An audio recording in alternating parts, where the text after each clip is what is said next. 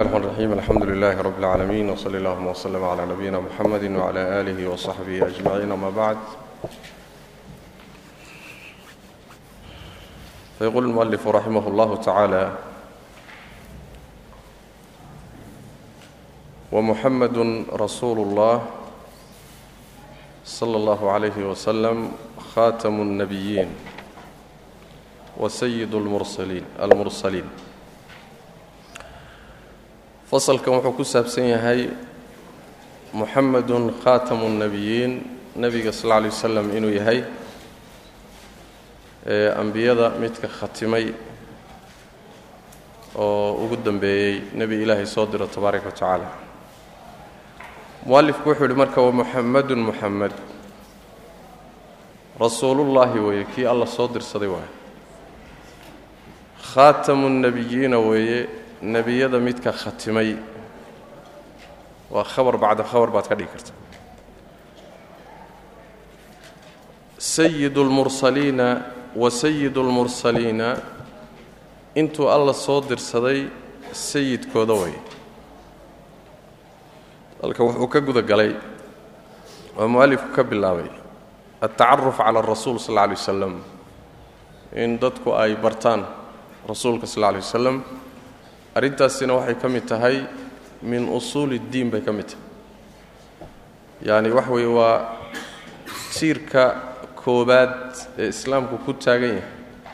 Qaybtiisa labaad waay shahaadatu an laa ilaaha ila اllah wa anna muxamadan rasuulu waay sidaas daraaddeed baa sheekh moxamed ibnu cabdilwahaab calayhi raxmat ullah ee usuusha saddexda ah ee kitaabkiisa alaaat lusuul ama alusuul alaaa ee asalka koowaad wuxuu ka dhigay macrifat ullah allah tabaaraka wa tacaala oo la garto.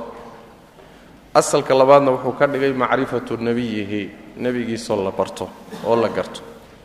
Asalka saddexaadna waa macrifatu diini اlislaam biاladila diinta islaamka in la garto oo adilada lagu garto. Saddexdaasina waa saddexda arrimood ee addoonka qabriga lagu weydiin doono waay saddexda asal.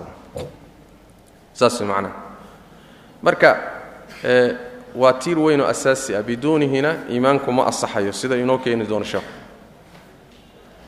qodobkaa wuxuu raaciyey oo nebigu sal lla lay waslam in dadkao dhan loo soo diray ilaahayna tabaaraka wa tacaala uu khalqigiisa ku hanuuniyey. Fariintii iyo risaaladii alla u soo dhiibayna inuu gutay iyo ammaanadii ummaddiisana uu kaga tegay salawaatu rabbi wasalaamu calayhi iyadoo jidcada iyo jidcad haysata. Qodobkaasi waa mid midka labaad. Wuxuu yidhi wa khaatamu nnebiyiin khaatamka waxaa la yidhaahdaa waa midka aan cidi ka dambaynin lagama dambeeyo. Leanna khitaamu shay waxaa la yidhaahdaa huwa aladii yujcal xata laa yusaada calayhi walaa yunqas minhu. Yacni shayga marka la khatimayo waa la afxidhayaa waay wixii hore jiray waxna lagu siyaadin maayo waxna laga dhimi maayo. Khatmiga kaasaa la dhahaa. Marka shayga wax kasta ugu dambeeyana waa la yidhahdaa khatmiga waxaa kaloo la yidhaahdaa marka waraaqda la qoro oo baqshadda la geliyo oo waxeeda loo dhammaystiro waa la shaabadeeya. Bimacnaa wax way lama furan karo waa lama siyaadin karo waxbana lagama dhimi karo waxbana laguma siyaadin karo. Marka khaatam waxaa la yidhaahdaa bimacnaa wuxuu xidhay oo khatimay nebinimadii ayb hadduu khaatamu nebiyiin yahayna waxaa ka sii xag jirta inuu khaatam almursaliin inuu yahay.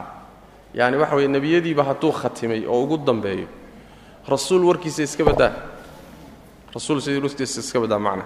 Sidaas weyaan macnaha inuu ambiyadii ilaahay soo dirahayay ugu dambeeyo oo nebi ka dambeeya uusan jirin qur'aanku rabbi ku tilmaamay tabaaraka wa tacala oo ku caddeeyey.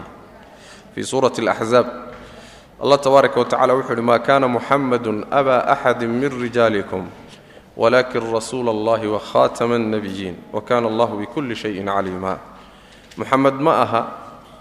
Raggiinna mid ka mida aabba uma ah qisadii waxay ku timid zayd ibnu xaarida soo maahna nebigu wiilka ka dhig jaahiliyad yani waxa wey intaan masalada la diidin. Marka nin raggiinna ka mida maxamed aabba uma ah walaakin rasuula allahi waase kii alla soo dirsaday waay wa khaatama annebiyiina nebiyada midka khatimay waaye oo lagama dambeeyo. Allana tabaaraka wa tacaala wuxuu ahaaday wax kasta midka og buu ahaado waxba kama qarsoona. Marka wax nebi oo gadaashiisa imaanaya ma jiro waxbana loogama baahnaba leanna qur'aankii baa jooga oo muxuu ahaay sunnadii nebigaa joogta oo culimmadii islaamka oo booskii ambiyadii reer bani israa'iil ummadda islaamka ummadda nebiga ugu jirta baa joogta. Ilan reer bani israa'iil markuu nebi tagaba nebi baa ka dambayn jira booskaa alla wuxuu ummadda nebiga u geliyey culimmadu u geliyey. Saas macnaha. Iyagaa mas'uuliyaddii xilkii la saaray iyagaana hawshaas uu istaagaya ayb marka diinta islaamku waa kaamil mar hadday kaamil tahay oo alla dhammaystirayna ciddib ka imaanaysa ma jirto rasuula la soo dirayo. Amaa gaadhsiinta risaalada bacda rasuulillaah waxaa loogu talagalay inay booskaa iyo mas'uuliyadda inay culimmada ummaddu isu taagto. Laga soo bilaabo saxaabadii nebiga sal ly waslam oo iyagaa waxay yihiin warahatu alambiyaa sida xadiiskii nebigu ahaa salawatu rabbi wasalaamu caleyh alculamaa'u warahatu alambiyaa mabda'a marka inuu nebigu sal lay waslam ugu dambeeyo ee ambiyada ugu dambeeyo oo rasuul iyo nebi uusan ka dambaynin waa mabda' ijmaaca oo ummadda islaamkii iskuma khilaafsana. Axaadiista nebiguna aad bay ugu caddahay sidaa qur'aanku u caddeeyey waxaa ka mid a maalan xadiidka jaabir bni cabdillaah bukhaari muslim ay soo saareen. Nebigu wuxu uhi sal ly waslam mahalii fi nnabiyiina ka mahali rajulin banaa daaran faaxsanaha waakmalaha waajmalaha wa taraka fiiha mawdica labina lam yadachha fajacala annaasu yatuufuuna bilbunyaan wayacjabuuna minhu wayaquuluuna low tama mawdicu hadihi allabina faana fi nnabiyiina mawdicu tilka allabina buu nebi sal lay slam aniya nebiyada maalkanagiyo sifadannadu waxa weeye waa sidii nin oo kale oo daar dhisay guri buu dhisay. Guriga dhismihiisa wuu wanaajiyey wuu dhammaystiray wuuna qurxiyey waxba uma laabno. Laakiin wuxuu ka tegey meel yar oo bulukeeti geli karo.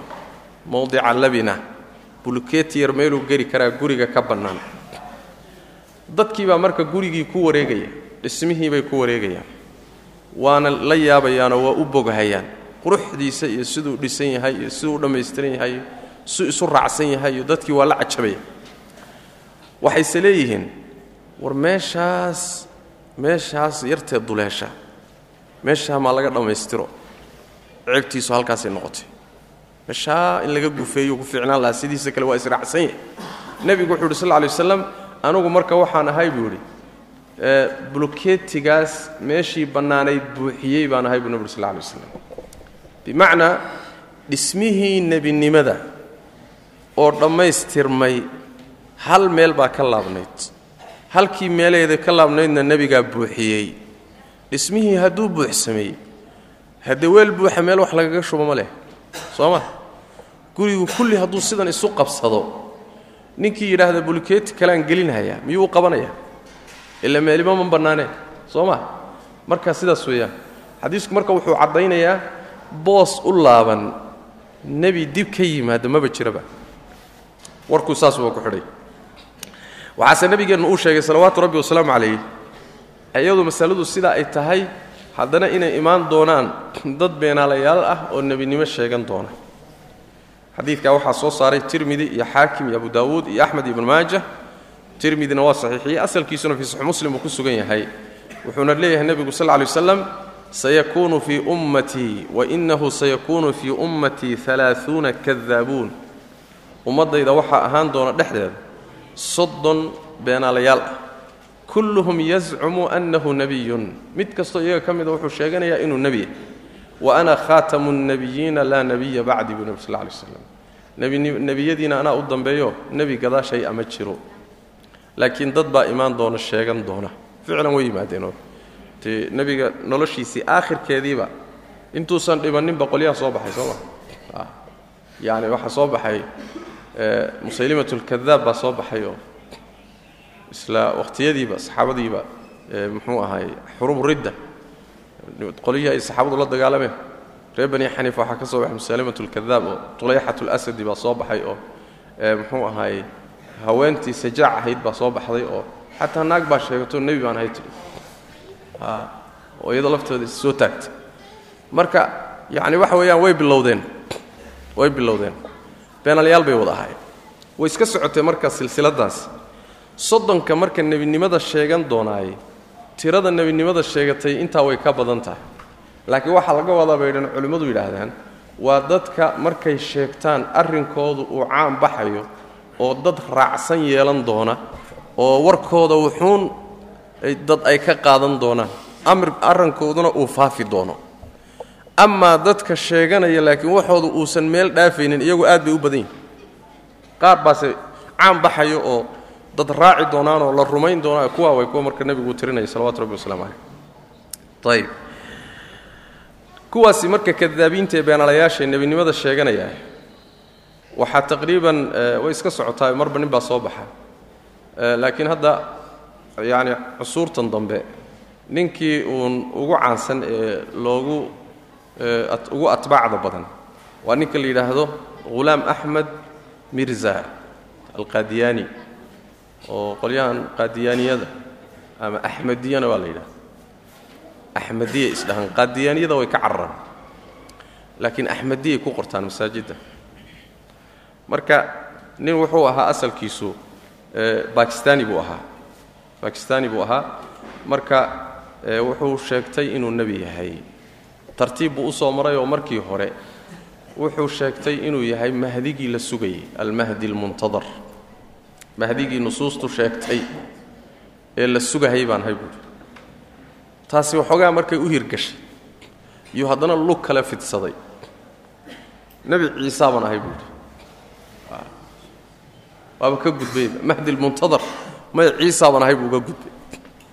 Tiina waxoogaa markay u hirgashay oo la raacay iyuu haddana ka gudbo wuxuu idhi maya nebi madax bannaan baaban ahay oo nebi maxamed kaba dambeeyaba warkaasuu marka faafsaday waxaana ku kaalmeeyey ingiriiska oo markaasi bakistan iyo hindiya iyo markuu isticmaarsanayay bay ahayd hindigu nimanka la yidhaahdo ingiriisku ingiriiskaa marka hirgeliyey.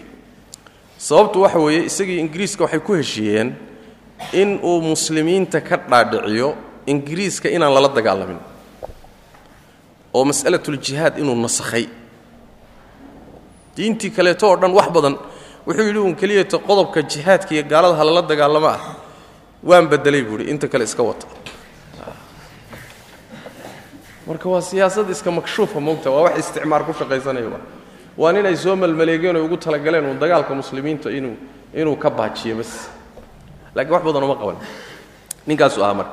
Axmediyadu ninkay raacsan ninkaa way marka. Marka ilaa iyo hadda maraakistooda waaweyn waxay ku taallaa ingiriiskay ku taallaa. Ingiriiskaana ximaayeeya oo ilaaliya. Leanna khidmad weyn bay u qabteen. Khidmad aan yarayn bay u qabteen. Saas daraaddeed isagaa ximaayeeya isagaa maalgeliya waana daa'ifo xoolo badan leh sida agakhaaniyiintoo kaleeto iyo xoolay leeyihiin saas way macana ayib dad atbaacana waa leeyihiin nairobi masaajid bay ku leeyihiin baaqan haddaad aragteen qaar ka mida meeshan bangani marka la dhaafo bangani marka la dhaafo masaajid yaroo meesha ku yaallo muxuu ahaaye marka jiirada la gelayo meeshaas masaajidkaasay leeyihiin axmediya la yidhaha. Axmediyaa ku qorma ya haa waxa ugu dhexeela anigu ma gelin. Laakiin dad baa ku tukaday. Qolyo soomaaliya ay xataa ka soo kaxeeyeen mandheera waa dhoweyd qolyaa i yimid niman dhallinyaraho mandheera ay ka soo kaxeeyeen. Dacway wadaan. Aan caadi ahayn marka laba nin bay ahaayeenoo dhallinyaro ahoo waa la xareeyey oo seminaar baa la siiyey oo looma sheegin. Waxa ay marka hore wataan kuuma sheegayaan. Mar dambe unbaa mid dibadda ka yimid baa u muxaadareeyey. Kii baa marka warkii kashfiyey oo yidhi maaragtay nebigaasaa jira nebigaasaan raacsannahay. Afkaartii buu si qeexan u sheegay. Labadii nin ee dhallinyaradaha marka way kala roonaayeene mid baa markiiba soo cararay oo yidhi war meeshaan meesaan moodahay maaha waxaa la yidhi seminaarkana qaata shan iyo toban beri weeye. Markaad noqotaanna mandheeraad ducaad ka noqonaysaan waxaana laydin siinayaa shan iyo toban kun baa laydiin qorayaa nin kastoo idinkeeni ka mid.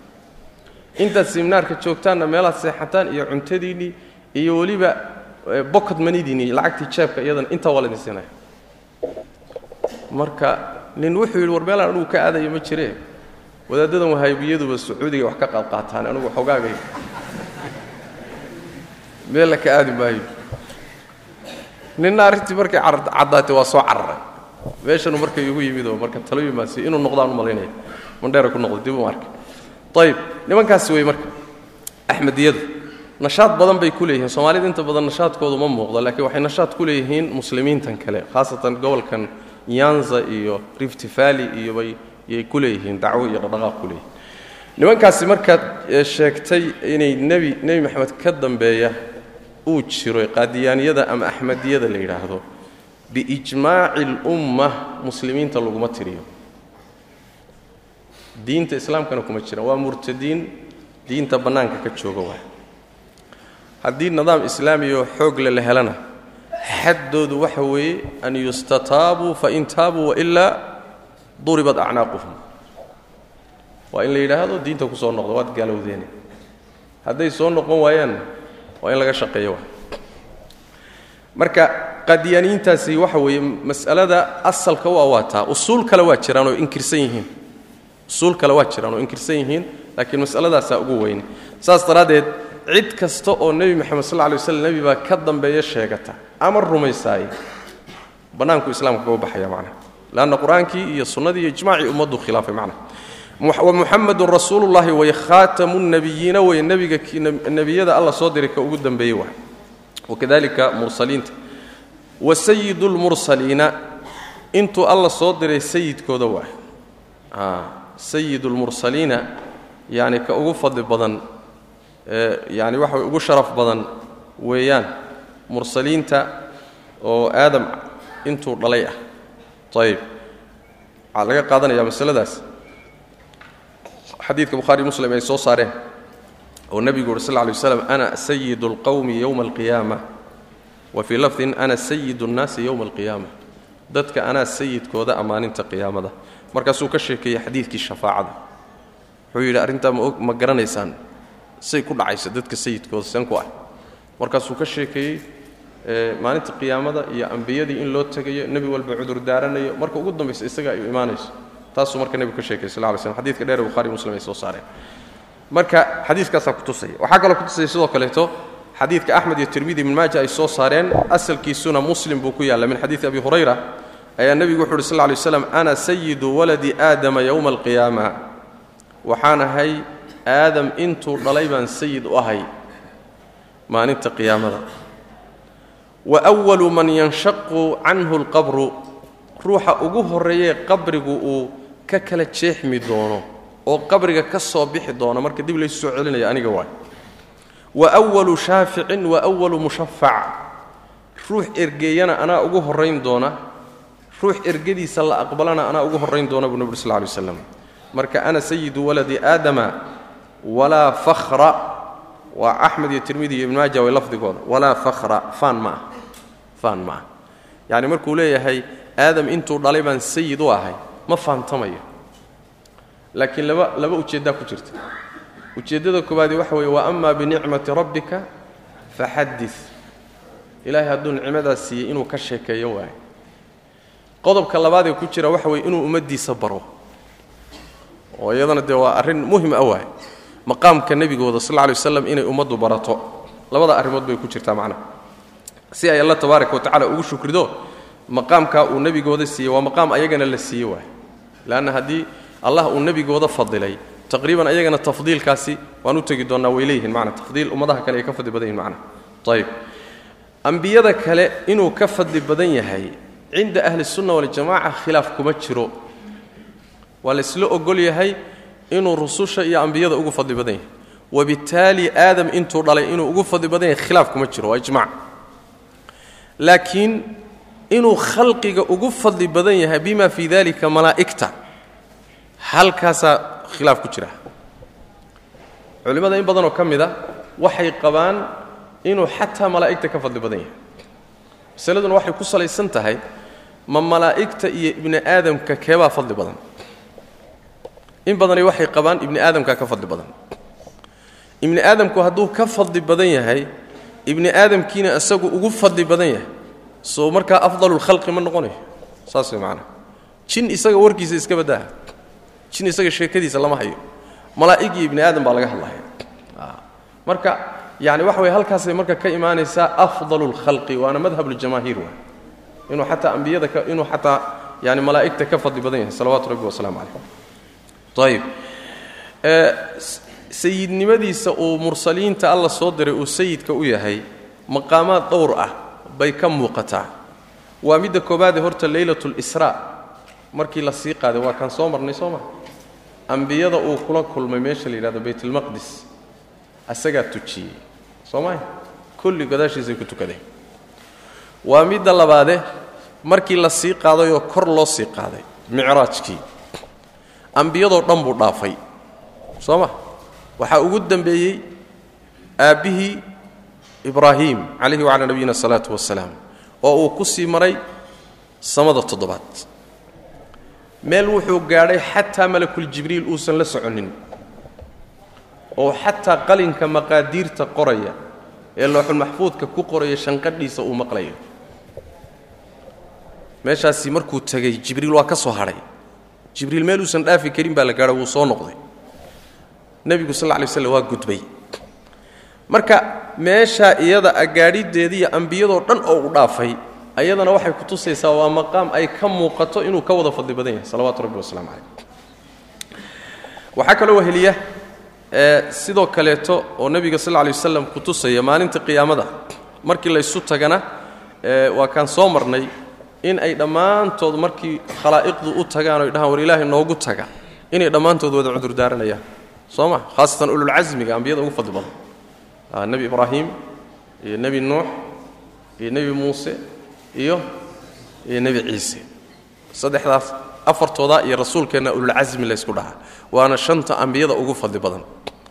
Afarta kalea la marayaa aadamna ku dar oo abulbashar ah. Shantaa marka la maro kulligood ka cudurdaartaan oo uu nin walba yidhahdo anugu maanta ma hortegi karo meeshaasi maqaamkaa ma istaagi karo. Ayay nebiga u imaanaysaa akhiiran marka ugu dambaysa markaasuu nebigu wuxu ley sl lay waslam ana lahaa ana lahaa anaa iskale taydii way tani. Markaasuu tegayaa carshiga hoosta ku sujuudaya. Cabaar markuu sujuudnaado oo wakhti ilaahay tabaaraka wa tacala maxaamid badan u furo ayuu markaa la dhahayaa maxamedow madaxa kor u qaad. Waxaad rabto weydii erge waa laga aqbalaya markaasuu leey ummatii ummatii saas maana xadiiskii dheeraaya shafaacada marka maqaamaadkaasoo dhan bay ka muuqataa inuu sayidu waladi aadam yahay. Sidoo kale jannada marka la tago jannada cid ka horraysa isaga loo furi maayo. Axad uga hormaraya ma jiro. Malag baa haya. Jannada iridda laga galo. Furaheeda ee malag baa haya.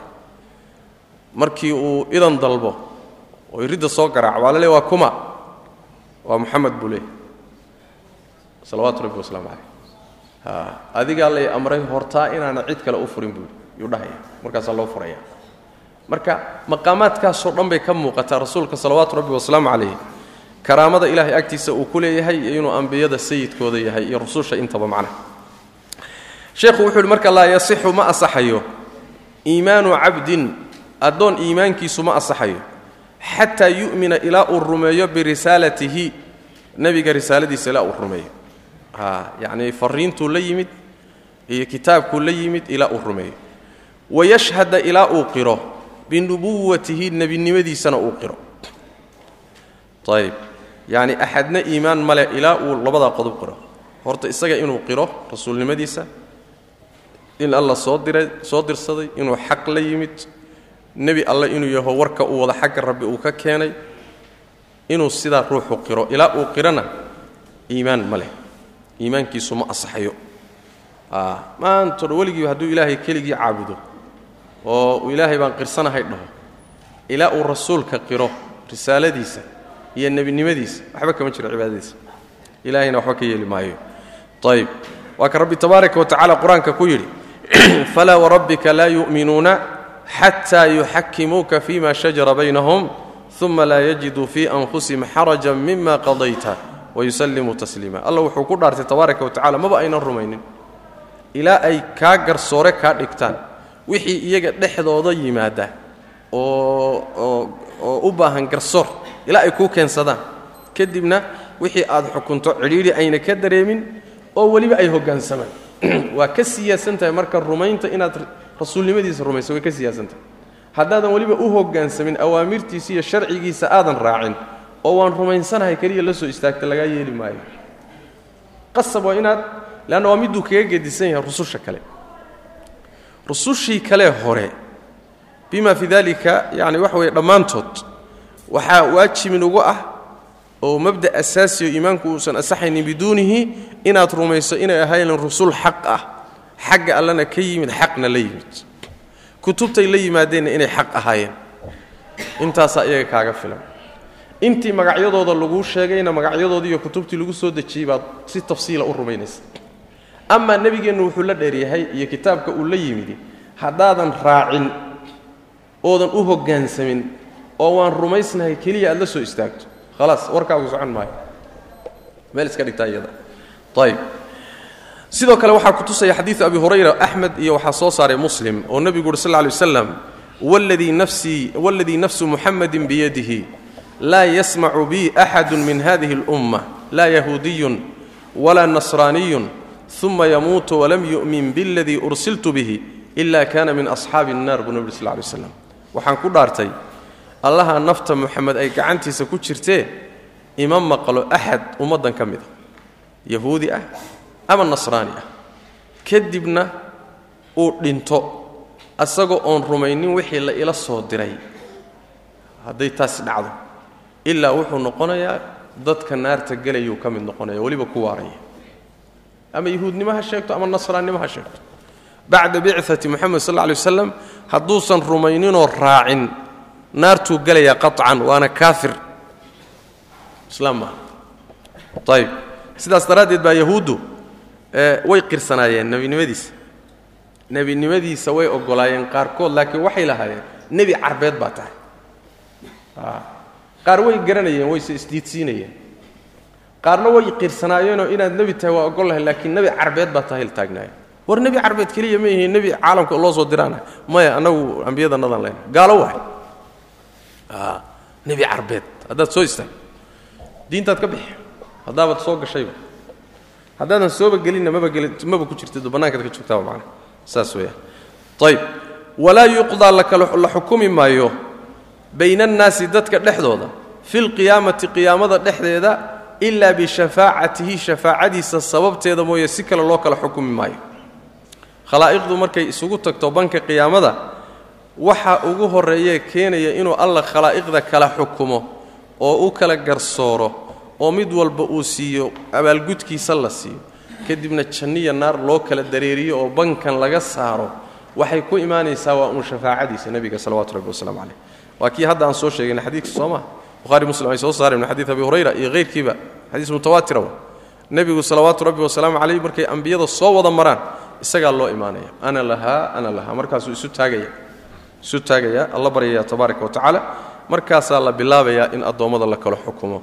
Shafaacadaas waa shafaacada loo yaqaano? Ashafaaca alcudmaa saas way macana shafaacada ugu weyn. Waana u tegi doonnaa waa maqaamka almaqaamu almaxmuudna waa iyada walaa yuqdaa la xukumi maayo bayna annaasi fi lqiyaamati ila bishafaacatii ergadiisa sababteeda mooye si kale lagu kala xukumi maayo waa inu isagu ergeeyo. Waana maqaam ilaahay ku sharfayo tabaaraka wa tacaala. Walaa yadkhulu ma gelaya aljannata jannada. Ummatun ummadi geli mayso. Ilaa bacda dukhuuli ummatihi. Ummaddiisu markay gasho kadib mooye. Jannadii markii la furo ummaddiisaa ku hormaraysa siraadka la marayana ummaddiisaa ugu hormari doonta jannadana iyadaa ugu horgeli doonta ummadaha kalena waa ka dambeeya. Ayb waxaa laga qaadanayaa xadiidka rasuulku sal ly waslam uu leeyahay bukhaari baa soo saaray oo uu leeyahy nebigu sal ly slam faakunu ana wa ummatii awalu man yujiizuha waxaa noqonayaa aniga iyo ummaddaydu cidda ugu horraysa ee siraadka gudbi doonta. Walaa yatakallamu yowmaidin ila arusul maalinkaana cid hadli karta ma jirto oo hadal u furan yahy ilaa rususha mooye. Wa ducaa'u rusuli yowmaidin allahuma sallim sallim. Ambiyaduna maalinkaa wax kale kuma hadlayaan. Ilaahu nabadgeli ilaahu nabadgeli ilaahu nabadgeli bay leeyihi war kale ma jiro. Cid kaloo hadal u furan yahayna maba jiraba hawshu maalinkaa waa culus tahay. Saas way macnaha wakadalika arrintaasi waxay ku timid inay ummaddiisu ugu hormari doonto jannada. Xadiidu abu hurayra fii saxiixayn wakadalika saxiixaynka waxaa ku yimid xadiid jamaaco saxaabada ka mida laga warinayo waana xadiiska caanka oo nebigu uri sl lay slam naxnu alaakhiruuna asaabiquuna yowma alqiyaama almaqdiyu baynahum qabla alkhalaa'iq. Waxaanu nahay naxnu alaakhiruun kuwa ugu dambeeyaanu nahay ummadaha xagga imaanshaha. Xagga imaanshaha adduunka annagaa ugu dambayna waana laga wada horreeyey. Alsaabiquuna yowma alqiyaamati maalinta qiyaamadana annagaa ugu horrayn doonna almaqdiyu baynahum qabla alkhalaa'iq. Intaan khalaa'iqda kale la kala xukuminna annagaana la xukumi doonaa. Yacni ummadda nebiga sal ly slam baa marka hore keeskeeda iyo barnaamijkeeda la qaadayaa. Iyagaa la dirayaa ummadaha kale markaasaa la furayaa faylkooda. Amaa inta ummadda nebigu joogto kuwa kale waa ka dambaynaya. Saasay jannada uga hormarayaan marka oy ku tegayaan macna. Ayb walaa yadkhulu ljannata ummatun ilaa bacda dukhuuli ummatii ummaddiisu markay gashay kadib mooye ummad jannada gelaysa ma jirto. Saaxibu liwaa'i alxamdi waay. Ammaanta iyo mahadinta calankeeda midka iskale waay ee saaxiibka u ah liwaaga waa calanka ama bandiiradda. Xamdiguna waa ammaanta iyo mahadinta. Marka calanka iyo bandiiradda cid walba ay isaga ku ammaani doonto looguna mahadcelin doono. Khalaa'iqduna ka wada faa'iidaysan doonaan. Isagaa calankaa iska leh. Saasuu le macana ayib taasi waa tii haddaan soo marnayo. Maalinkaa isaga ah nebiga salawaatu rabbi wasalaamu calayh waxaa loo dhiibi doonaa calan. Calan la yidhaahdo liwaa'u lxamdi baa la yidhahda isaga dhan magacaasuu leeyahy calanka iyo bandiiradda ammaanta iyo mahadinta mahadcelinta la yidhahdo nebigaa wata salawaatu rabbi wasalaamu calayh. Wuxuu ku yimid arrinkaasi xadiidka abu saciidin alkhudri oo axmed iyo tirmidi ibnu maajah baa soo saaray. Sheekh waa saxiixinaya hayrkii nebigu wuxu uhi sal lay slam ana sayidu waladi aadama yowma alqiyaamati walaa fakhra. Aadam intuu dhalay anaa sayidu a maalinta qiyaamada faanna ma ah. Wa biyadii liwaa'u alxamdi walaa fakhra. Gacantaydana waxaa ku jira calanka mahadda iyo ammaanta. Ayaa gacantayda ku jira faanna ma ah wamaa min nebiyin yowmaidin aadam faman siwaahu ilaa taxta liwaa'ihi faman siwaah nebi ma jiro aadam iyo inta ka soo hadhayba nebi ma jiro ilaa maalinkaa isagaa calankaygay hoos joogaan buu nebigu sal lay slam taxta liwaa'ihi calankaasaa la hoos joogaa isagaas yani khalaa'iqda dhan baa marka ammaanaysa khalaa'iqdoo dhan baa u mahad celinaysa khalaa'iqdoo dhan buu anfacaya salawaatu rabbi wasalaamu calayh saas man saasaa loogu mahad celinaya wa ana awalu man tanshaqu canhu alardu walaa fakhra buu nebi sal lay slam waxaana cidda ugu horraysa eh marka la soo noolaanayo dhulka laga soo kacayo dhulku uu ka kala jeexmi doono oo ka soo bixi doono faanna ma aha buu nebigu uhi salawatu rabbi waslamu calayh xadiiskaasuu marka tilmaamaya saaxibu liwaa'i alxamdi waay ammaanta iyo mahadinta calankeeda midka iska leh saaxiibka u awa. Waalmaqaami wa maqaamkii kii u saaxiibkaa weeye almaxmuudi ee laysku mahadinaya maqaam waxaa jira meel la istaago ama istaag.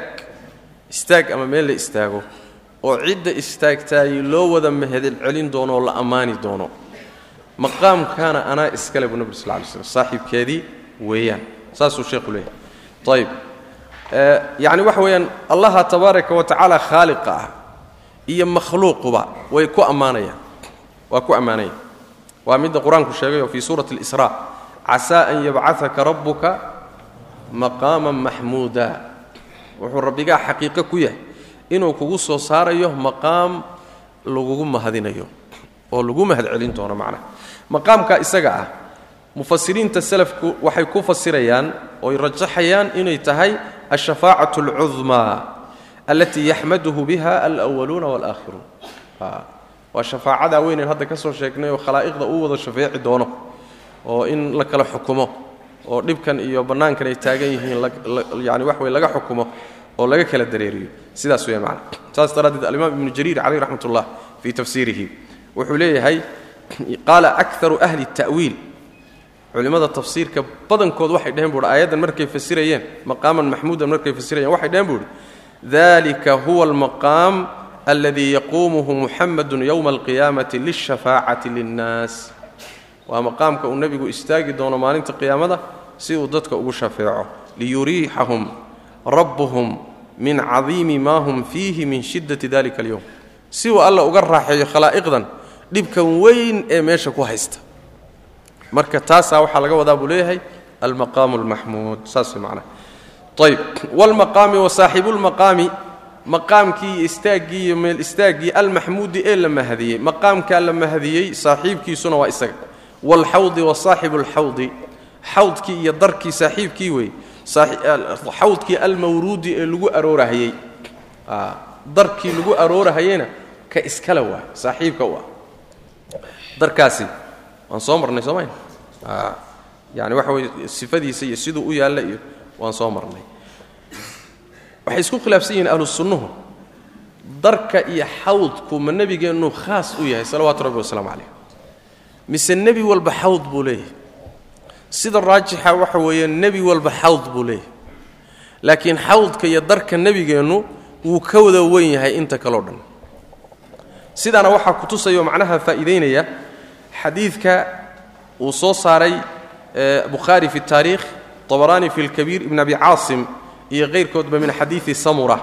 Wuxuu nebigu uhi sal ly waslam ina likulli nabiyin xawda wainahum layatabaahawna ayuhum akharu waaridan wainii laarjuu an akuuna akarahum waaridatan saas way macnaha nebi walba xawd buu leeyahy iyo dar ambiyaduna waxay isugu faanayaan koodii dadka xawdkiisa ku soo arooraya ay ugu badan yihiin waxaan rajaynayaa bu nabg sl lay slm inaan noqdo midka darkiisa lagu aroorayo ka ugu ummad badan inaan noqdo oo darkaygu uu noqdo midka loogu aroorid badan yahay.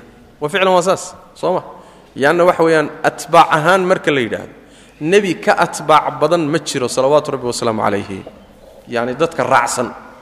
Dadka raacsane marka xawdka ku aroorayo ambiyada kaleeto ma gaari karaan nabigeenna salawatu rabbi waslamu caleyh saasuu marka xawdkiisu uga wan yahay dararka kaleo dhan. Laakiin nebi walba dar buu leeyahy xadiidku macnahaasuu faa'idaynaya xadiidkaasi sheekh albani caleyh raxmatullah wuu saxiixinayaa wuxuuna ku yaallaa asilsila saxiixa ee nambarka kun shan boqol iyo siddeetan iyo sagaal. Saxiixada ayuu sheekhu ku keenay. Saas way macnaha. Ayb ibn abi caasim sidoo kaleeto dilaalka. Ibn abi caasim uu saaray isagana wuu ku saxiinay ayb wاlxawdi wasaaxibu اlxawdi darkii saaxiibkii weeye ama ka iskale weeye almawruudi ee lagu aroorayay wa huwa nebigu sal ly slam imaamu الnebiyiina nebiyada imaamkoodii waaye wa khatiibuhum ambiyada khatiibkoodii waay. Khaiibka waa ruuxa u hadla waay. Khaiibku waa ruuxa dadka u hadla wa saaxibu shafaacatihim ambiyada shafaacadooda kii u saaxiibkaa kii iska lahaa way macnaha. Shafaacada ambiyadana kii iska lahaa waay nebigu salawaatu rabbi wasalaamu calayh. Intaasoo dhan ayuu ayuu leeyahay nebigu sal lla lay slam ayib waxaa laga xadiidkaasi yani waxa weeye warinaya macnaha faa'iidaynaya inuu nebiyada u yahay imaam khatiibna u yahay shafaacadoodana uu isagu leeyahay. Waxaa faa'iidaynaya xadiid laga warinayo ubay ibnu kacab oo nebigu uri sal lla lay waslam ida kaana yowma alqiyaama maalinta qiyaamada markay timaaddo. Kuntu imaama الnabiyiin wa khatiibahum wa saaxiba shafaacatihim hayra fakhrin. Saasuu nebig sal lla lay yacni markay qiyaamadu timaaddo waxaa noqonayaa imaamka nebiyada. Waxaana noqonayaa midka u hadlaya khatiibkooda. Waxaana noqonayaa shafaacadooda midka iskale saaxiibka u ah. Faanna ma aha arrintaas. Maaha inaan isfaanaye? Xaqiiqo waay. Xaqiiqo jirta way maanaa ayib xadiidkaas waxaa soo saaray alimaamu axmed tirmidi ibnu maajah iyo xaakim min xadiid ubay ibni kacb. Sheekh albaanina waa taxsiininaya ayib ummatuhu nebiga ummadiisu sal lay waslam khayru lumami ummadahay ugu khayr badantah ummadiisu ummadahay ugu khayr badantah kulligood ummadihii soo maray ee kala gedisnaa ee kutubta loo soo diray ambiyada loo soo diray kutubta loo soo dejiyey ummadda nebigeenna ugu fadli badan salawaatu rabbi wasalaamu calayh sida isaguba uu ambiyadiiyo rususha ugu fadli badan yahay bay ummadiisuna ummadaha ugu fadli badantah waxaa laga faa'idaysanayaa qur'aanka laftiisa. Allah tabaaraka wa tacala wuxu uhi kuntum khayra ummatin ukhrijat linnaas. Waxaad tihiin ummadta ugu khayr badan dadka loo soo saaray. Goormaad ummadaha ugu khayr badantihiin ta'muruuna bilmacruuf watanhawna cani ilmunkar watu'minuuna billah. Waa jumal xaaliya la yidhahdo markaad xaaladaha ku sugantihiin baad ummadaha ugu khayr badantihiin markaad wanaagga faraysaan xumaanta reebaysaan allana rumaynaysaan markaasaad ummadaha ka khayr badantihiin laakiin haddaad waajibaadkaa dayacdaan waayo macnaa waa fadiiladaasi ma jirto marka. Waxaa kaloo kutusaya aayadda kale qur'aanka fii suurati nisa rabbi yidhi tabaaraka wa wakadalika jacalnaakum ummatan wasata litakunuu shuhada'a cala annaas. Alla tabaaraka wa wuxuu idinka dhigay ummad wasat ah nebigu wuxuu ku fasiray cadlan.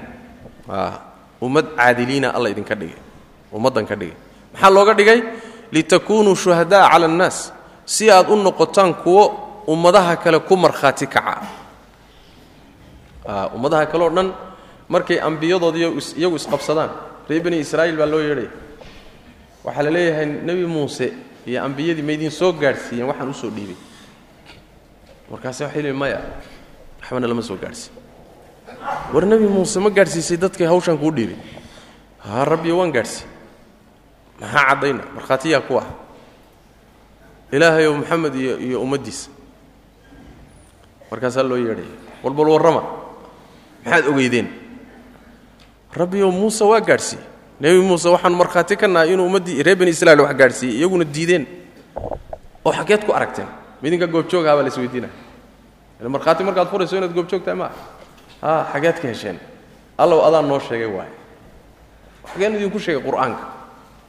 Soo ma? Haa ma markhaati ka weyn baa jira allaaba noo sheegay baa nebi muuse inuu gaadhsiiyey ambiyaduna ay xilkoodii guteen allah noo sheegay soo ma? Marka allah sheegidduu noo sheegay markhaatigaasaan annagana furaynaa. Khalaas warku waa dhammaanaya marka.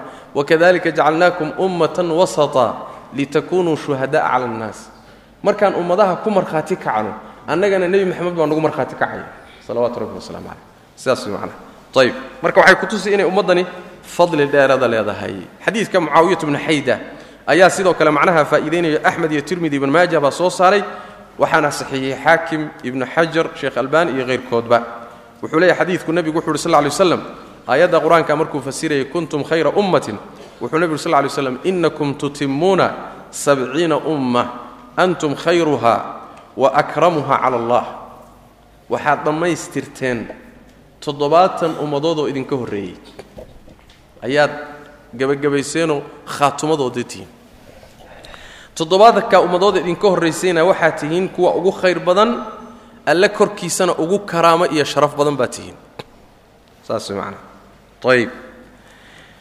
Marka xadiiskaas wakadalika cinda axmed biisnaadin xasan cali bn abi aalib waxaa ka sugan inuu nebigu uhi sal lay waslam wajucilat ummatii khayra alumam khasaa'ista nebiga sal lay slam markuu sheegayay ummaddayda waxaa laga dhigay ummadaha ta ugu khayr badan. Ilaahay tabaaraka wa tacala fadlullahi fadlullaahi weeyo muxuu ahaay ciduu doonuu siiyaa saas way macnaa. Waa kii xadiiskii bukhaariga keyrkii ku yimid ee nebigu miaal bixiyey sal lay slam idinkii ummadii idinka horrey khaasatan yahuudiya nasaarada waxaad ka dhigan buu yidhi sidii nin dad shaqaalaystay oo kaleeto. Subaxdii bay shaqo u galeen. Wuxuuna kula heshiiyey ilaa duhurkii inay u shaqeeyaan. Hal hal qiraadna uu siiyo wakhtigii iyadoon la gaadhin bay isaga tageen shaqadii. Qolo kale haddana la shaqaalaystay oo shaqadii u dhiibtay duurkii laga bilaabo ilaa casarkii. Hal qiraad baadna leedihiin. Ayagiina shaqadii bay galeen shaqadii dhexday kaga tageen. Qolo kalea haddana la shaqaalaystay casarka laga bilaabo ilaa maqhribka waxaana la yidhi waxaad leedihiin laba laba qiraad laba qaybood oo abaalgudaad leedihiin. Ujuuradiinnu waa laba qaybood laba qiraad waa way shaqeeyeen. Labadii qolee hore ayaa marka dood keenay. Waxay oo rabbi ow. Ama muxuu ahaayey wakhtiganaguna waa ka dheeraa. Annagaana wixii aadna siisay ka yaraa. Maalintii o dhan gelinka hore o dhan nin shaqaynaya iyo duhurkii casarka inta udhaxaysa nin shaqaynaya ma isku waqti ba soo kala waqti dheeraa. Qoladan duhurka kadib ilaa casarkuna waa ka waqti dheer tahay casarka iyo maqribka inta udhaxaysa markaasaa rabbi wuxuu ku yidhi tabaaraka wa tacaala waa fadligaygee? Anaana qaybinayee? Miyaad ila leedihin? Waa maya waay hadda intaas uu ku xidhan yahay. Wakhtigaa gaaban iyo shaqadaa yar iyo anaa bixinaya marka ummadda hore waa yahuud. Soo ma oo muxuu ahaay muddadii nebi nebi muuse iyo wakhtigiisii kadibna nebi ciise waay waa nasaarada. Kadibna waa ummaddeenna. Casarka ilaa maqhribka dadka shaqaynaya labalabada qiiraad la siiyey waa ummadda nebi moxamed salawatu rabbi wasalaamu calayh taas way macnaha. Marka fadiila ilaahay siiyey waaye oo rabbi tabaaraka wa uu ku fadilay way macnaha iyo karaamo dheeraada ummatuhu ummadiisu khayrulumami ummadaha kota ugu khayr badan waaye saas daraaddeed inta jannada geli doonta dhammaantood marka laysku daro ummadda nebi moxamed nis waaye nebigu sal lay slam xadiiskiisii saxiix ku yimi miyaydaan raalli ku ahayn buu idhi inaad noqotaan ahlu jannaha afar meelood meel. Way takfiirsadeen. Miyaydaan raalli ku ahayn inaad noqotaan saddex meelood meel waa siyaado miyaydaan raalli ku ahayn inaad ahlu jannahoo dhan niskood noqotaan marka ummadihii inaga horreeyey oo dhan iyo ummadda nebi moxamed sal lay wasalam jannada waa u nisnis. Nisu ahli janna waa ummadda nebi moxamed salawatu rabbi waslamu caleyh karaamo iyo fadiilo ilahay sii tabaaraka wa tacala wa asxaabuhu nebiga saxaabadiisu khayru asxaabi alambiyaa nebiyada asxaabtoodii kuwa ugu khayr badan weeye saxaabada nebigu sal lla lay waslam yaani nebi walba asxaab buu lahaa. Xawaariyiin dad u khaas ah oo rumeeyey oo raacay oo ardadiisa ah buu nebi walba lahaa kuwaasaana asxaabta la yidhahda asxaabu nebi walba dadkii markaa uu noolaa rumeeyey oo raacay oo garab istaagay ayaa saxaabadiisa ah marka nebi moxamed saxaabadiisii rumaysee raacdee ardadiisa ahayd iyo ambiyadii ka horraysay saxaabadoodii waxaa fadli badan nebi moxamed saxaabadiisa. Yacni markii nebi la yidhaahdana iyo rasuulna isagaa fadli badan. Markii la yidhaahdo ambiyada saxaabadoodii iyo ardadoodii ha laysgarab dhigana nebi moxamed ardadiisaa ka fadli badan dhammaantood. Saas macnahaasu doonaya sheekhu inuu taqriiriyo wa asxaabuhu nebiga saxaabadiisu khayru asxaabi alambiyaa'i nebiyada asxaabtooda kuwa ugu khayr badan weeye calayhim asalaatu wasalaam saxaabiga marka waxaa la yidhaahdaa waa ninkii nebiga nolol kula kulmay sal alay slam isagoo rumaysan iimaankana ku dhintay hadduu rumeeyey nebiga sal alla alay waslam laakiin uusan la kulmin. Saxaabi ma ah xataa wakhtigiisiiba ha soo gaadho. Sida najaashi oo kaleeto boqorkii xabasha. Rag badan baa jiro noocaas. Oo nebiga wakhtigiisii jiray rumeeyeyna laakiin aan nasiib u helin inay la kulmaan. Marka saxaabo laguma tiriya kuwaas. Waa inuu la kulmay. Waana inuu rumeeyo. Hadduusan rumaynin oo dee gaal yahayna saxaabi maaha waana inuu iimaanka ku dhinto hadduu ridoobo oo islaamka dib uga noqdo oo saa ku dhinto saxaabi ma ah waxay isku khilaafsan yihiin hadduu intuu diinta ka baxo haddana soo noqdo oo diinta dib ugu soo noqdo sida ragga qaarkoodoo kaleeto. Oo markaa ku dhinto iimaanka ma saxaabi baa cala araajixna waa saxaabi. Walow takhallalat riddatun waa kii ibn xajar laha yaani riddo iyo dhexa dhex gashay marba hadduu iimaan ku dhinto waa saxaabi.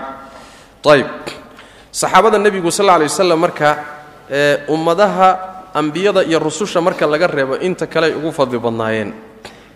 Maxaa yeele nebi maxamed baa ilaahay u doortay inuu ardo uga dhigo oy saxaabo u noqdaan oy la noolaadaan oy garab istaagaan oo ay la jihaadaan cilmigana ay ka qaataan. Saas way macnaha allah tabaaraka wa tacaala inuu doortay baad garan. Oo dee waxaan u dhigmin suxbada nebi maxamedoo lala saaxiibo daqiiqad lala saaxiibo wax walba way ka fadli badantahy adoo rumaysan inaad daqiiqad arday u noqotood la fadhiisatood aragto ishaad u qabato baa wax walba ka weyn. Saas way marka suxbadaasaan wax loo dhiga lahayn. Allana tabaaraka wa tacaala saxaabada nebiga wuxuu ku taskiyeeyey aayado aad u fara badan oo qur'aanka ka mid a waxaa ka mid a maalan fii suurati alfatxi rabbi wuxuu yidhi tabaaraka wa tacala laqad radia allahu can اlmu'miniina id yubaayicuunaka taxta ashajara facalima ma fii quluubihim faanzla asakiinata calayhim waahaabahum fatxan qariiba alla wuxuu raalli ka noqday mu'miniinta.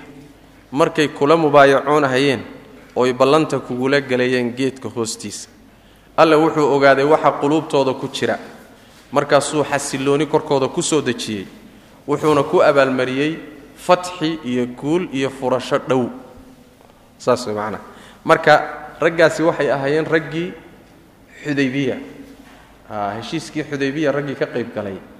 Ee galay beycada loo la magac beycat ridwaan. Waxayna dhacday sanadkee? Sanadkii lixaad ee hijriga. Sanadkii lixaad ee hijriga dhacday. Leanno sannadkii toddobaad khaybar waa. Khaybar baa dhacday. Sanadkii sideedaadna waa tii fatxu maka ay dhacday macnaha marka taas ayada ah oo suurat lfatxi waxayba soo degaysaaba laqad radia allahu cani lmu'miniin iyo suurat lfatxi o dhan waxay soo degtay markuu nebigu heshiiskii xudaybiye ka soo noqday oo uu jidka ku jiro maka u sii uu madiine u sii socdo. Jidka intuu ku sii jiray bay soo degtay suurat lfatxi oo ka hadlaysa dhacdadii iyo midhaha ka dhashay waxa laga sugaya iyo faahfaahinayso ka hadlaysa macnaha marka raggaas ilahay baa raalli ka noqday tabaaraka wa rag qiimo badan bay ahayd.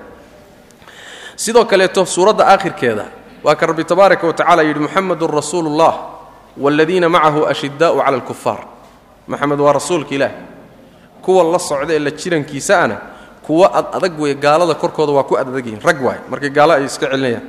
Ruxamaa'u baynahum dhexdooda kuwa isu tura waay oo isu naxariista. Sifada dadka muminiinta saasaa loo yaqaana yacni markuu la mucaamalanayo dad ahluliimaanana waa dabacsan yahay. Markuu gaalo la mucaalanayana waa adag yahay oo iska celinaya macnaha. Taraahum rukacan sujadan yabtaquuna fadlan min allahi waridwaana waxaad arkaysaa iyagoo rukuucsan oo sujuudsan oo alla xaggiisa fadli iyo dheeraad ka doonaya iyo raallinimo siimaahum fii wujuuhihim min aari sujuud. Astaanta wejigooda wejigoodu ku yaallaa sujuudda darteed. Sujuudda ilaahay ay dartii u sujuudayaan bay astaantu wejigooda ka muuqataa. Dalika maaluhum fi tawraa silmaanta iyo sifadaana waxay ku lahaayeen towreed waa sifadee inay ashidaa'u cala alkufaar ruxamaa'u baynahum taraahum rukacun sujada sifaadka iyo tilmaamaha inay leeyihiin towreed bay ku taalleen kitaabkii towreeda bay saa ugu tilmaanaayeen wa maaluhum fi linjiil sifada ay injiil ku leeyihiinna oo kitaabkii nebi ciise lagu soo dejiyeyna waa sidan ka zarcin akhraja shaط'ahu faaasarahu faاstaklada faاstawى clى suuqihi yucjibu الzuraaca liyagiida bihim اlkufaar wacad allah aladiina aamanuu wacamiluu saalixaati minhum maqfiratan waajran cadiima injiilna waxay ku sifaysnaayeen inay la mid yihiin ka zarcin sidii beer soo baxdoo kaleeto sidii zarci soo baxoo kaleeto. Zarcigaasoo akhraja shatahu mataankiisa soo saaray.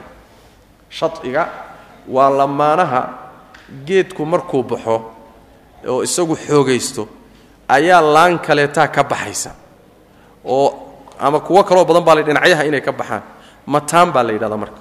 Ku lamaan oo markaase iyaduna waxay bixinaysaa sabuullo. Geedku markuu marka farqo badan la baxo laamo badan dhinacyaha ka baxaan oo dhinacyihiisa ay istaagaan waa xoogaysanayaa soo ma. Bedelkii uu laantool ahaayoo hal jirrida uu ku taagnaa wuxuu yeelanayaa kuwii kala xoojinaya marka sifadoodu waxa weeye injiil markay ku sifaysan yihiin sidii geed soo baxay oo mataana bixiyey oo yacni dhudhunkiisa iyo yani waxa weye si fiican ugu istaagay jirriddiisa yucjibu zuraaca wuxuu cajab gelinayaa geedkaasi siduu u baxayo u adkaaday dadka beeralayda ah. Waan la yaabaya waan soo maraya. Liyaqiida bihim lkufaar baa la yidhi tabaaraka wa si uu gaalada kaga cadhaysiiyo. Waxaa laga wadaa nebi moxamed sal alay slm soo keligii ma ahayn markii alla soo diray geed keligiiyo laantoola buu ahaa markaasay sidii geedihii mataanaha dhinacyaha ka baxay bay dhinacyaha iska taageen. Way xoojiyeen garbahay ka galeen. Dacwadii bay isgarab istaageen waa la jihaadeen xoolahoodii naftooday ku bixiyeen. Markaasaa ilaahay tabaaraka wa tacaala diintiisii hormariyey. Xoojinta marka nebiga ay xoojiyeen iyo dacwadiisii baa waxaa laga dhigayaa sidii geed mataano bixiyey oo kaleeto oo sidaa ku xoogaystay. Markaasaa rabbi wuxuu yidhi tabaaraka wa tacaala liyagiida bihim alkufaar iyaga sababtood inuu alle gaalo kaga cadhaysiiyo darteed oo markay gaaladu aragto nebi maxamed oy u mari la'yihiin oo yaa difaacayoo loo loo dhaafi la'yahay saxaabadiis soo ma? Fooda lama gelin karo rag baa ka sokeeya raggan oo naftoodii iyo xoolahoodii iyo wax walba hurahaya gaala soo xanaaqi mayso. A gaalo waa xanaaqday. Laakiin de waa xanaaqay ku baktin oo waxba ayna qaban karin waaya waa maqsuudba wey in gaalada lagaga xanaajiyo a in gaalada lagaga xanaajiyo saxaabada nebiga sal lla alay waslam iyo yani dadaalka iyo juhdiga ay dacwada diinta ku bixinayaan. Marka rabbi baa ammaananaya tabaaraka wa tacala aayaddaa iyadaa waxaa cajiib ah. Alimaamu malik malik bnu anas imaamu daar ilhijra aayaddaa iyadaa wuxuu u deliishaday nimanka la yidhahdo raafidadu inay gaalo yihiin. Raafidadu waa shiicada waa u tegi doonnaa oo qaba saxaabadu inay gaaloobeen. Oo saxaabada caydooda ka dhigta wax ilaahay loogu dhowaado qurba way ku wardiyaan. Khaasatan saxaabada raggii ugu fadli badnaa cumaraynka abubakar iyo cumar iyo nebiga xaasaskiisii iyo way ku wardiyaan caydooda. Qurubaadka waa weyn iyagoo rumaysayn ilaahayba loogu dhowaan bay ka mid tahay. Marka imaamu maalig wuxuu yidhi aayaddu waxay ku tusaysaa asxaabu rasuulilahi sal lay wasalam ninka necab ee caayaya inuusan muslimba ahayn. Saas way macnaha xaggee kaa taasaaba le wuxuu yidhi waman qaada asaxaabata fa huwa kaafir buu. Saxaabada ninkii ka xanaajiye oo ka cadhaysiiye waa gaal. Ama ninka necab waa gaal ama ninka caadaya waa gaal. Xaggay ku tusi. Laanna alle wuxuu yidhi yucjibu zuraaca liyagiida bihim اlkufaar ruuxa ka xanaaqsan ee saxaabada u xanaaqsan ee necab aayaddu waxay sheegtay inay un gaala yihiin.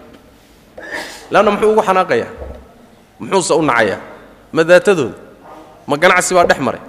Miyay isku dhaceen? Ma waxbay kala maqan yihiin maxay u nacayaan? Suaal isweydiin lama.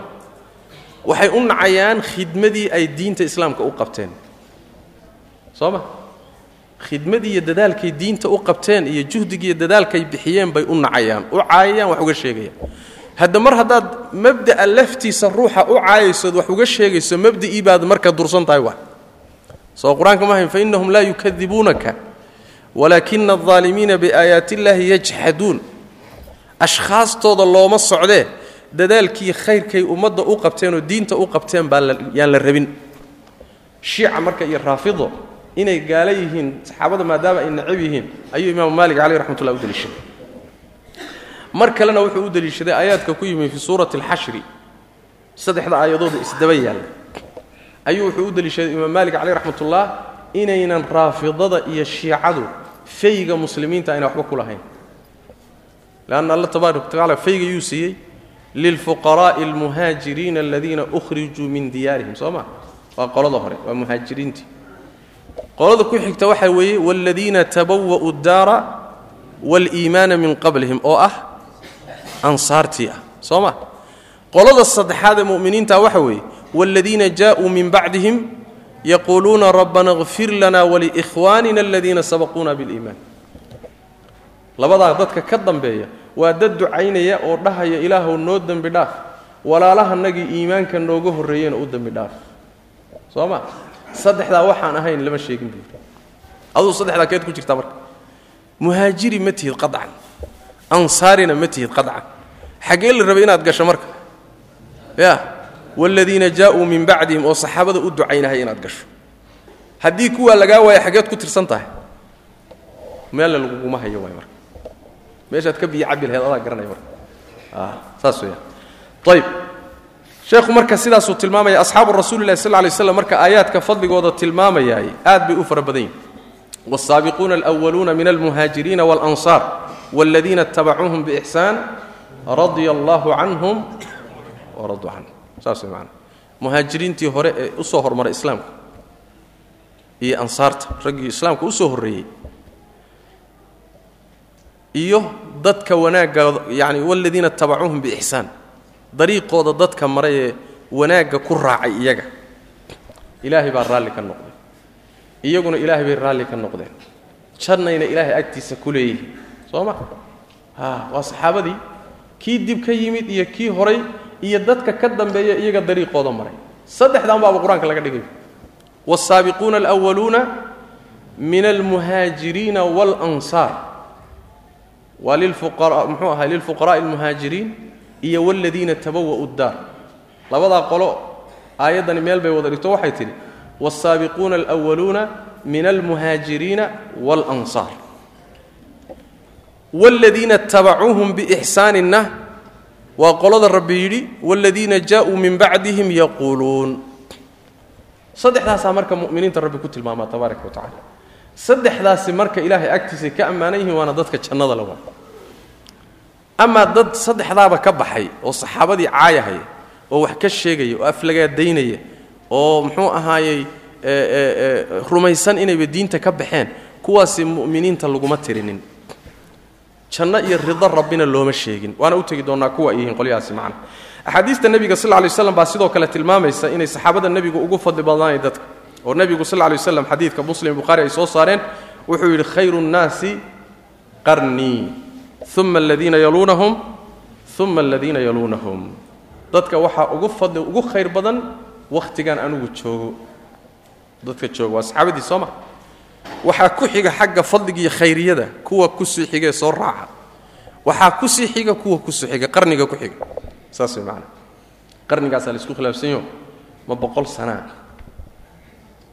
mise dadka hal mar wada nool oo toddobaatan sano siddeetan sano ka yar hal mar dadka wada noolba qarni baa la isku yidhaahdaa.